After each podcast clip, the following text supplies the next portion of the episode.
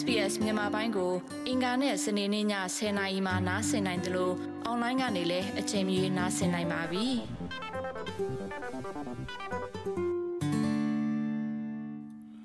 သောရရှိများယခုဩစတြေးလျမှာသစ်လုပ်ငန်းအသေးစားကိုဘယ်လိုစတင်မလဲဆိုတဲ့ဆောင်းပါးကိုတင်ဆက်ပေးမှာဖြစ်ပါတယ်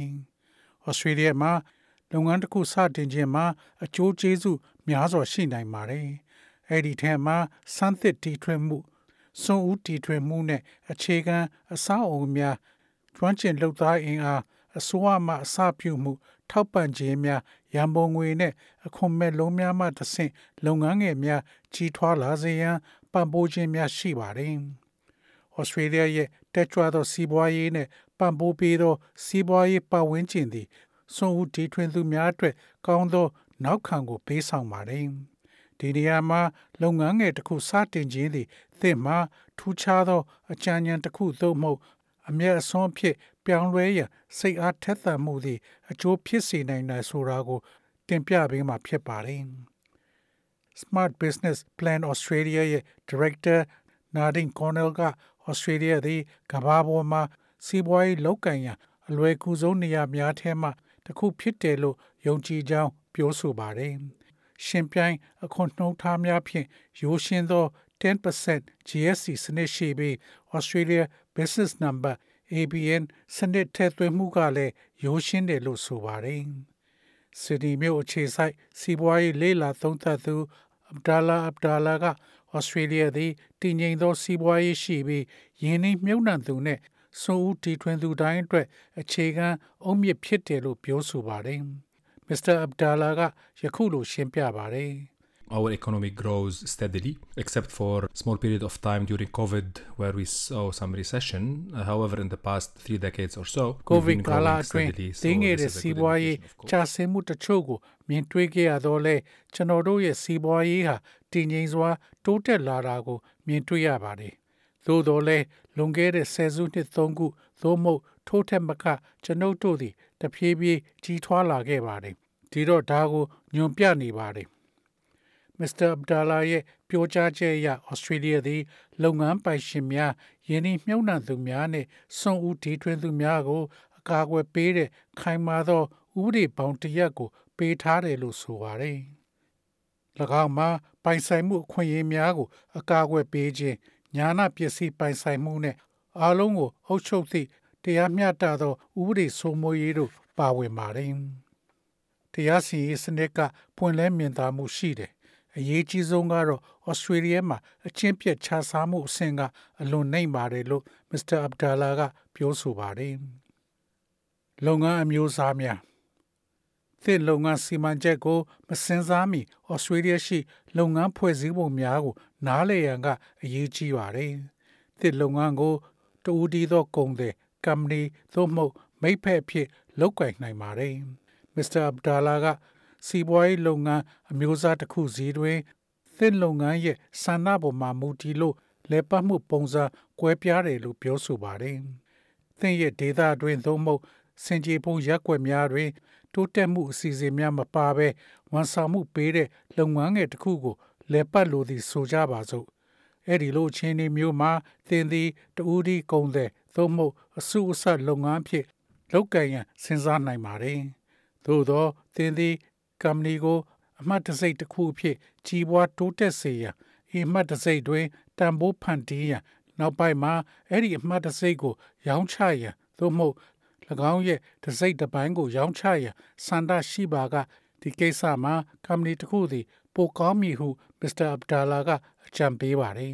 ။ကားကိုတောင်းကနေအလွန်သိငယ်တဲ့ကမ္ပဏီများစွာကိုကျွန်တော်တို့တွေးခဲ့ရပြီးအခုသူတို့ရဲ့အမှတ်တစိတ်ဟာဒေါ်လာဘီလီယံများစွာတန်ဖိုးရှိလာကြပါတယ်လို့မစ္စတာအဗဒါလာကပြောဆိုပါတယ်။သစ်လုပ်ငန်းဖွဲ့စည်းပုံကိုရွေးချယ်ပြီးသည့်နှင့်သစ်လုပ်ငန်းကိုမှတ်ပုံတင်ပြီးဒေသဆိုင်ရာဥပဒေများနှင့်စီမင်းများကို လိုက်နာရန်သေချာရမှာဖြစ်ပါတယ်။ Miss Cornell က၎ င်းသည်စီမံခန့်ခွဲနိုင်သော လုပ်ငန်းစဉ်ဖြစ်ပြီးသင်အားလမ်းပြရန်အရေးအမြစ်များစွာရနိုင်တယ်လို့ဆိုပါတယ်။တူဒီသောကုန်သည်ဖြစ်မှတ်ပုံတင်ပြီးဩစတြေးလျစီးပွားရေးနံပါတ် ABN ကိုရယူရလိုအပ်သော အချက်လက်များကိုသင်ပြည်နယ်အစိုးရ website တွင်ရရှိနိုင်ပါတယ်။တစ်ဖက်ကလည်းကမ္ပဏီတစ်ခုစတင်ဖို့စီစဉ်နေတဲ့ဆိုရင်အဲ့ဒီအခြေအနေမှာ Mr. Abdallah က Australia Securities and Investment Commission ဖြင့်သင် Australia Company Number ACN ကိုသတ်မှတ်ရာတွင်ကူညီရန်အတွက်သင်စီရင်ကင်ထံသွားရောက်တွေးဆောင်ရန်အကြံပေးပါတယ်။ကမ္ပဏီများအတွက်တိကျအခွန်ဖိုင်နံပါတ်ကိုမှတ်ပုံတင်ရပါမယ်။တူဒီသောကုန်သည်များအတွက်လုပ်ငန်းသည်၎င်းတို့ရဲ့ကိုယ်ပိုင် TFN နဲ့ချိတ်ဆက်ထားသည်ကိုသတိရကြပါ။ကွဲပြားမှုမရှိပါဘူး။ဒါပေမဲ့ကမ္ပဏီတွေအတွက်တော့ ကမ္ပဏီတွေမှာကိုယ်ပိုင် TFN ရှိရပါမယ်။ဟု၎င်းကပြောဆိုပါတယ်။ Miss Cornell ကစွန့်ဦးတီထွင်သူများသည်အာမခံမူဝါဒများချမှတ်ခြင်းကဲ့သို့သောဖြစ်နိုင်ခြေရှိသောအနေများကိုရှောင်ရှားရန်တခြားသောဥပဒေနှင့်လိုက်နာမှုဆိုင်ရာလိုအပ်ချက်များကိုသိရှိသင့်တယ်လို့ပြောဆိုပါတယ်။ There's general business insurance, there's professional indemnity insurance if you're providing a service, you've got product insurance, you've got, you know, food handling compliance if you're part of that business. So again, it depends on the type of business that you're operating, but everybody will need some level of insurance, public liability insurance if you don't have people coming into your, your place of business well. professional ရော်ကြီးအာမခံလည်းရှိပါတယ် တကယ်လို့သင်ဟာထိုလုပ်ငန်းရဲ့တစိတ်တစ်ပိုင်းဖြစ်ပါကသင်တွင်ထုတ်ကုန်အာမခံတဲ့အစားအသောက်ကင်တွယ်မှုဆိုင်ရာ လိုက်နာမှုတွေရှိပါတယ်။သင်လုပ်ကိုင်နေသော လုပ်ငန်းအမျိုးအစားပေါ်မူတည်တယ်လို့သူမကပြောပါတယ်။သင်တွင်သင်လုပ်ငန်းသို့ဝင်ရောက်သူများရှိတယ်အများသူငါတာဝန်ယူမှု အာမခံလိုအပ်တယ်လို့ဆိုပါတယ်။စီးပွားရေးစီမံကိန်း သင်ထည့်သွင်းစဉ်းစားသင့်သည့်နောက်ထပ်ရှုထောင့်တစ်ခုမှာအောင်မြင်မှုစီသို့လမ်းပြမြေပုံတစ်ခုအဖြစ်လူအများကရှုမြင်သည့်ကောင်းမွန်စွာဖန်တီးထားသော လုပ်ငန်းအစီအစဉ်တစ်ခုဖြစ်ပါတယ်။ Miss Cornell က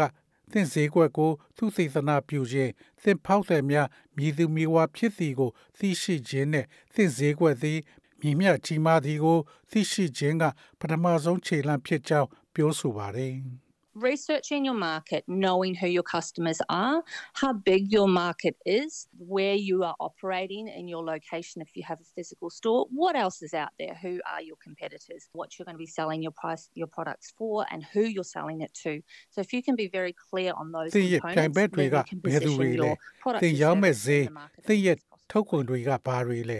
ဒါကြောင့်ဒီအစိတ်ပိုင်းတွေကိုရှင်းရှင်းလင်းလင်းသိနိုင်ရင်သစ်ထုတ်ကုန်မှဒါမှမဟုတ် ဝန်ဆောင်မှုကို ဖြစ်နိုင်သမျှအကောင်းဆုံးနည်းနဲ့ဈေးကွက်မှာ နေရာချထားနိုင်ပါတယ် Miss Cornell ကထပ်လောင်းပြောဆိုပါတယ်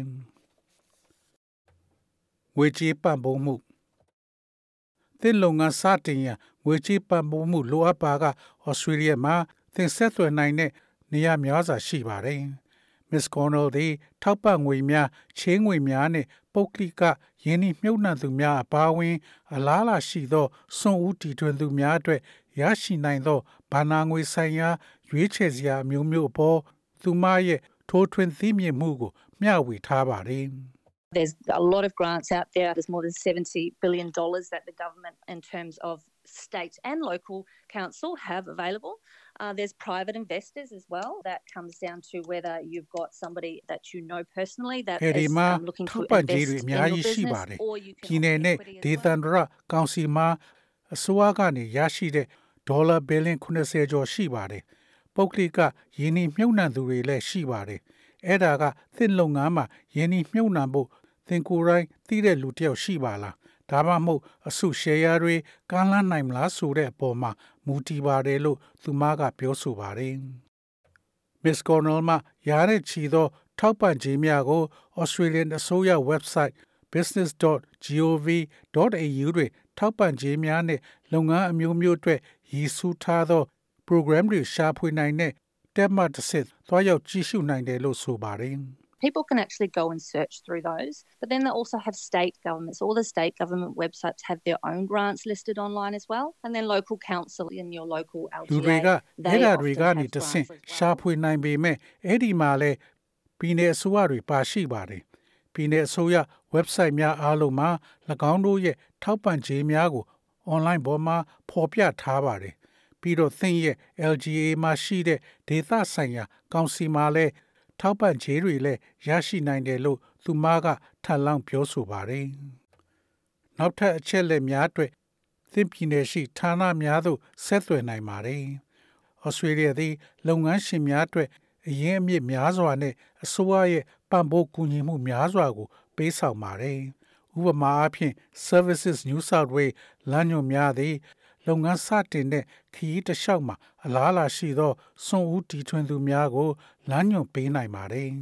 ။ Services New South Wales စီးပွားရေးဘျူရိုရဲ့အမှုဆောင် Director Cassandra Gibbons က၎င်းတို့သည် အသေးစားလုပ်ငန်းများကိုစတင်ရန်လဲပတ်ရန်ကြီးထွားရန်နဲ့အခကြေးငွေဖြင့်လိုက်လျောညီထွေဖြစ်အောင်လှုပ်ဆောင်ရန်ပံ့ပိုးပေးနေတယ်လို့ဆိုပါတယ်။ Our business concierge service provides help for businesses finding information on financial assistance that is available for startup businesses across different areas of government and connects them with grants and rebates တူညီတဲ့လုပ်ငန်းဖွဲ့တွေမှာရနိုင်တဲ့ပံ့ပိုးမှုတွေကိုဖော်ထုတ်နိုင်မှာဖြစ်ပြီးအခွင့်အလမ်းတွေနဲ့လုပ်ငန်းစတင်တာတွေကိုချိတ်ဆက်ပေးနိုင်မှာပါ Business Concierge သည်လွတ်လပ်သောအကြံပေးတဦးနဲ့လုပ်ငန်းစတင်တဲ့လုပ်ငန်းများကိုချိတ်ဆက်ပေးနိုင်ပါတယ်။ငွေကြေးရယူနည်းအကြံဉာဏ်များအပါအဝင် လုပ်ငန်းတစ်ခုစတင်ရန်လိုအပ်သမျှအချက်လက်များကိုမြည်သူကပေးစွမ်းနိုင်တယ်ဆိုတာကိုဖော်ပြထားတယ်လို့ Miss Gibbon ကရှင်းပြသွားပါတယ်။သောရရှိမြခင် SBS သတင်းဌာနက Maran Ismail ရဲ့ဆောင်းပါးကို ဘာသာပြန်တင်ဆက်ပေးထားတာဖြစ်ပါတယ်ခင်ဗျာ